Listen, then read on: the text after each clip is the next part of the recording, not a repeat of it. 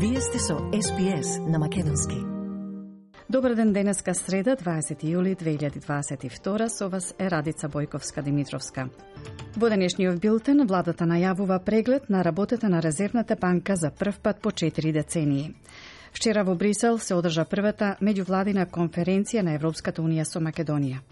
Топлотниот бран во Европа продолжува со рекордни температури во Обединетото кралство и пожари во повеќе земји.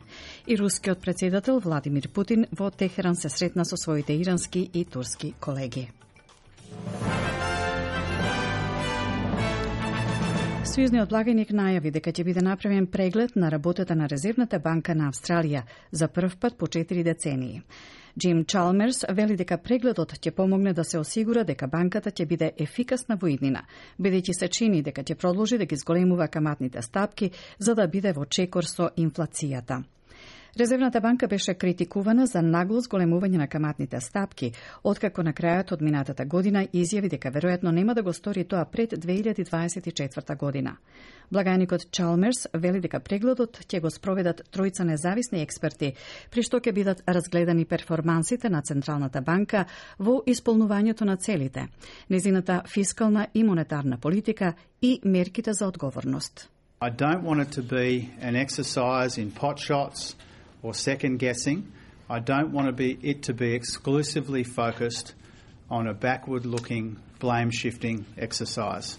I want it to genuinely be about how do we have the world's best central bank into the future Сојузната министерка за животна средина Тања Плиберсек денеска ќе се сретне со засегнатите страни и ќе ги обиколи проектите во регионот на Blue Mountains во Нов Јужен Велс, откако вчера изјави дека состојбата на австралиската средина не само што е лоша, туку и натаму се влошува. Господица Плиберсек вчера вети дека владата ќе одговори на извештајот Samuel Review за националните закони за животна средина до крајот на годината.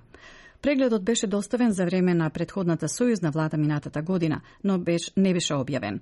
Господица Плиберсек вели дека извештајот открива тешка, конфронти, конфр, конфронтирачка на моменти и депресивна приказна.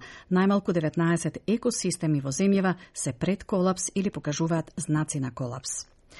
Главниот медицински службеник на Австралија издаде ново предупредување за зголемувањето на бројот на случаи со COVID-19 низ целата земја, повикувајќи ги австралиците да помогнат да се забави ширењето на вирусот. Професорот Пол Кели вели дека австралиците што ги исполнуваат условите треба да се вакцинираат со третиот или четвртиот засилувач за COVID или така наречениот бустер пред предвидениот врв на третиот бран на Омикрон. Професор Кели вели дека официјалните бројки сугерираат дека нема доволен број луѓе кои ја примиле особено третата доза на засилувач. We can predict reasonably well up to four weeks from now, and in every state and territory, the number of cases, according to those predictions, are continuing to rise. Uh, so we're at the start of this wave, not the end. But what happens in the future really very much depends on what we do today and what we've done in the last two weeks. Антикорупцијското тело, познато како IBAC и омбудсманот на Викторија, објавија заеднички извештај во врска со наводите дека некои во партијата користеле парламентарни вработени за да создадат лажи лажни членови на огранокот на Лабористичката партија и да се стекнат со политичко влијание како резултат на тоа. Тоа не е нелегално, но е спротивно на правилата на самата лабористичка партија. Четворица министри досега поднесоа оставки поради скандалот. Околу 1700 лица за кои се смета дека не се вистински членови веќе се исклучени. Еден од тие министри, поранешниот пратеник на лабористичката партија Аден Соми Јурек, тврди дека практиката е длабоко вградена во партијата. Викторискиот огранот, огранок на лабористичката партија е ставен под сојузна контрола. Новата амбасадорка на Соединетите Американски држави во Австралија, Керолин Кенеди, ќе пристигне во земјава и ќе биде именувана на функцијата овој петок, 22 јули. Господица Кенеди, керка на поранешниот пред, председател на САД, Џон Ф. Кенеди, предходно беше амбасадорка на САД во Јапонија помеѓу 2013 и 2017 година. Господица Кенеди вели дека незиното назначување во Камбера го носи личното наследство на незиниот татко. In 1943, my father's PT boat was sunk by a Japanese destroyer. If not for the help of two Solomon Islanders and an Australian coast watcher, he and his crew would not have survived. He wanted to be the first sitting president to visit Australia, so I'm honored to carry his legacy forward in my own small way. Владата на Соединетите Американски држави вели дека назначувањето на господица Кенеди е уште една силна потврда на посветеноста на председателот Џо Бајден на алијансата меѓу САД и Австралија во критично време за Индо-Пацифичкиот регион и дека ќе ги продлабочи билатералните односи на сите нивоа. Вчера во Брисел се одржа првата меѓувладина конференција на Европската Унија со Македонија и почна скринингот со што вообичаено и формално се означува процесот на пристапување на Македонија кон Европската Унија. Но за вистински почеток на преговорите, Македонија има услов да го отвори уставот и да ја внесе бугарската малцинска заедница што живее во Македонија. Тоа и во воведната изјава на Европската Унија и на пресконференцијата што се одржа поседницата, го нагласи и министерот за надворешни работи на Чешка, актуелниот председваш со Унијата Јан Липовски. Македонскиот премиер Димитар Ковачевски рече дека процесите, цитат, мора да се водат со безусловно почитување на идентитетските прашања и дека за нив и за историјата нема да се преговара. Европска иднина со безусловно почитување на достоинството и посебноста на македонскиот народ и неговите јазични, идентитетски, историски и културни особености. Драго ми е што за овие прашања како и за билатерални прашања кои не се директно поврзани со правото на Европската Унија и со копенхашките критериуми за членство, нема да се разговара во текот на преговорите. Вчера попладне во Брисел тимови од Македонија и од Европската Унија го одржаа првиот состанок на така наречениот скрининг процес, што значи испитување на усогласеноста на правото на Европската Унија со состојбите на земјата кандидата за да може таа да се подготви за влез во Унијата. Првата меѓувладина седница во Брисел ги скара власта и опозицијата. Антонио Милошовски од ВМРО ДПМН на прес-конференција упати прашање до власта зошто не го повикала народот на прослава ако првата меѓувладина конференција е веќе означена како успех. Шефот на Метеоролошката агенција при Обединетите нации вели дека сегашниот топлотен бран во Европа треба да послужи како подсетник за климата на земјата и за владите и за гласачите. Обединетото кралство ја објави својата највисока температура досега, што се искачи до 40,3 степени Целзиусови, а 29 локации низ целата земја забележаа температура повисока од предходниот рекорд од 38,7 степени. Генералниот секретар на Светската метеоролошка организација Петри Талас вели дека тој се надева дека ваквите настани ќе бидат повик за будење за многу влади и дека ќе влијае врз гласачите. I hope that these kind of events are going to be a wake-up call for for, for many governments, and uh, and and, uh, and and I hope that also uh, in, in, democratic countries, this this kind of uh, events will have an impact on on, on voting uh, behavior, and and and in democratic countries, it's up to the governments what kind of policies they are they are having. Господин Талас вели дека ваквите топлотни бранови ќе продолжат и во иднина и во 2060-тите, без оглед на тоа каква акција ќе се преземе за да се ублажат климатските промени. Рускиот председател Владимир Путин во Техеран се сретна со своите ирански и турски колеги. Русија се обидува да ги заекне врските со овие две земји, бидејќи се соочува со последици од САД и Европа поради инвазијата на Украина. Путин се состана и со иранскиот врховен лидер Ајатолахот Али Хамнеи, кој ја подржа војната на Путин во Украина, велејќи дека западните нации би започнале војна доколку тој не ја започнал.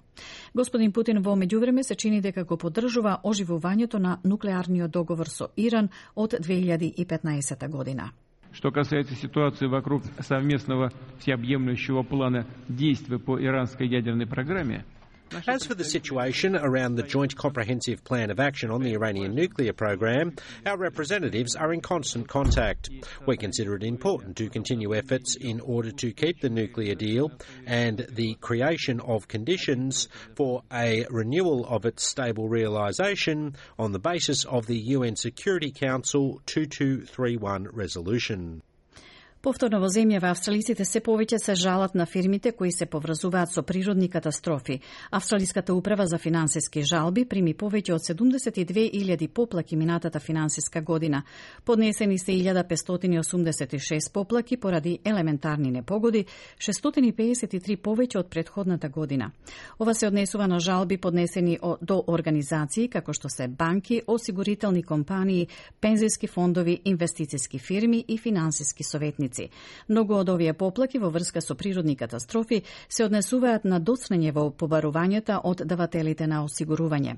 Тоа доаѓа од како големи делови од Источна Австралија беа погодени од разорни поплави минатата година. Во меѓувреме се зголемија и поплаките за услугите за мобилни телефони. Омбудсманот на телекомуникацијската индустрија вели дека примил 63.000 поплаки во периодот од јули 2020 година до март 2022.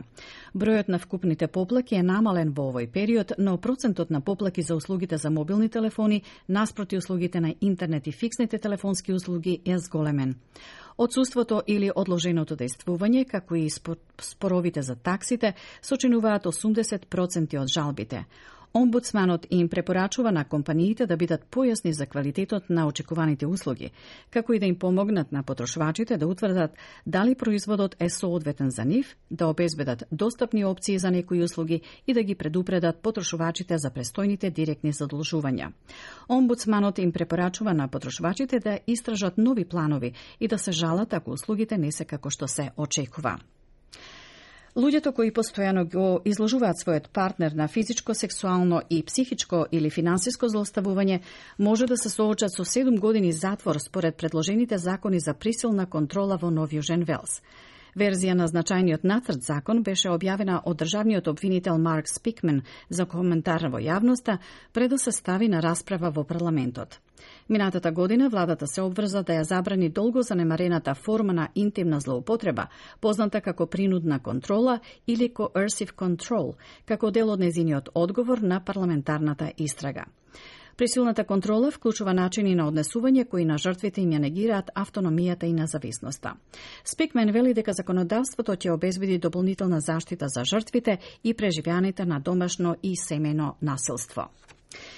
Денеска во судница во Сиднеј треба да се појави жена обвинета дека обезбедила лажен сертификат за вакцина против COVID-19 за да работи во основно училиште. Полицијата соопшти дека вчера го пребарала домот на жената во населбата Мерлендс Вест во западниот дел на Сиднеј, како дел од истрагата за организирана криминална мрежа. 55 годишната жена е уапсена и обвинета за нечесно стекнување финансиска предност со измама, справување со приноси од казни во дело и учество во криминална група. Од најновата курсна листа, денеска еден австралиски долар се менува за 0,67 евра, за 0,68 американски долари и за 41,21 македонски денар, додека еден американски долар се менува за 60,43 македонски денари, а едно евро за 61,24 македонски денари. Еве онако со и временската прогноза за главните градови за утре, четврток 21 јули. Во Перт дошт со максимална до 19 степени, Аделаид претежно сончево 16, Мелбун утринска слана, а потоа сончево 15, Хобарт сончево 12, Камбера услови за дошт максимална 13, Сиднеј врнежливо 17, слично и за Бризбен дошт 18, сончево за Дарвин 31, сончево и за Али Спрингс со максимално до 19 степени.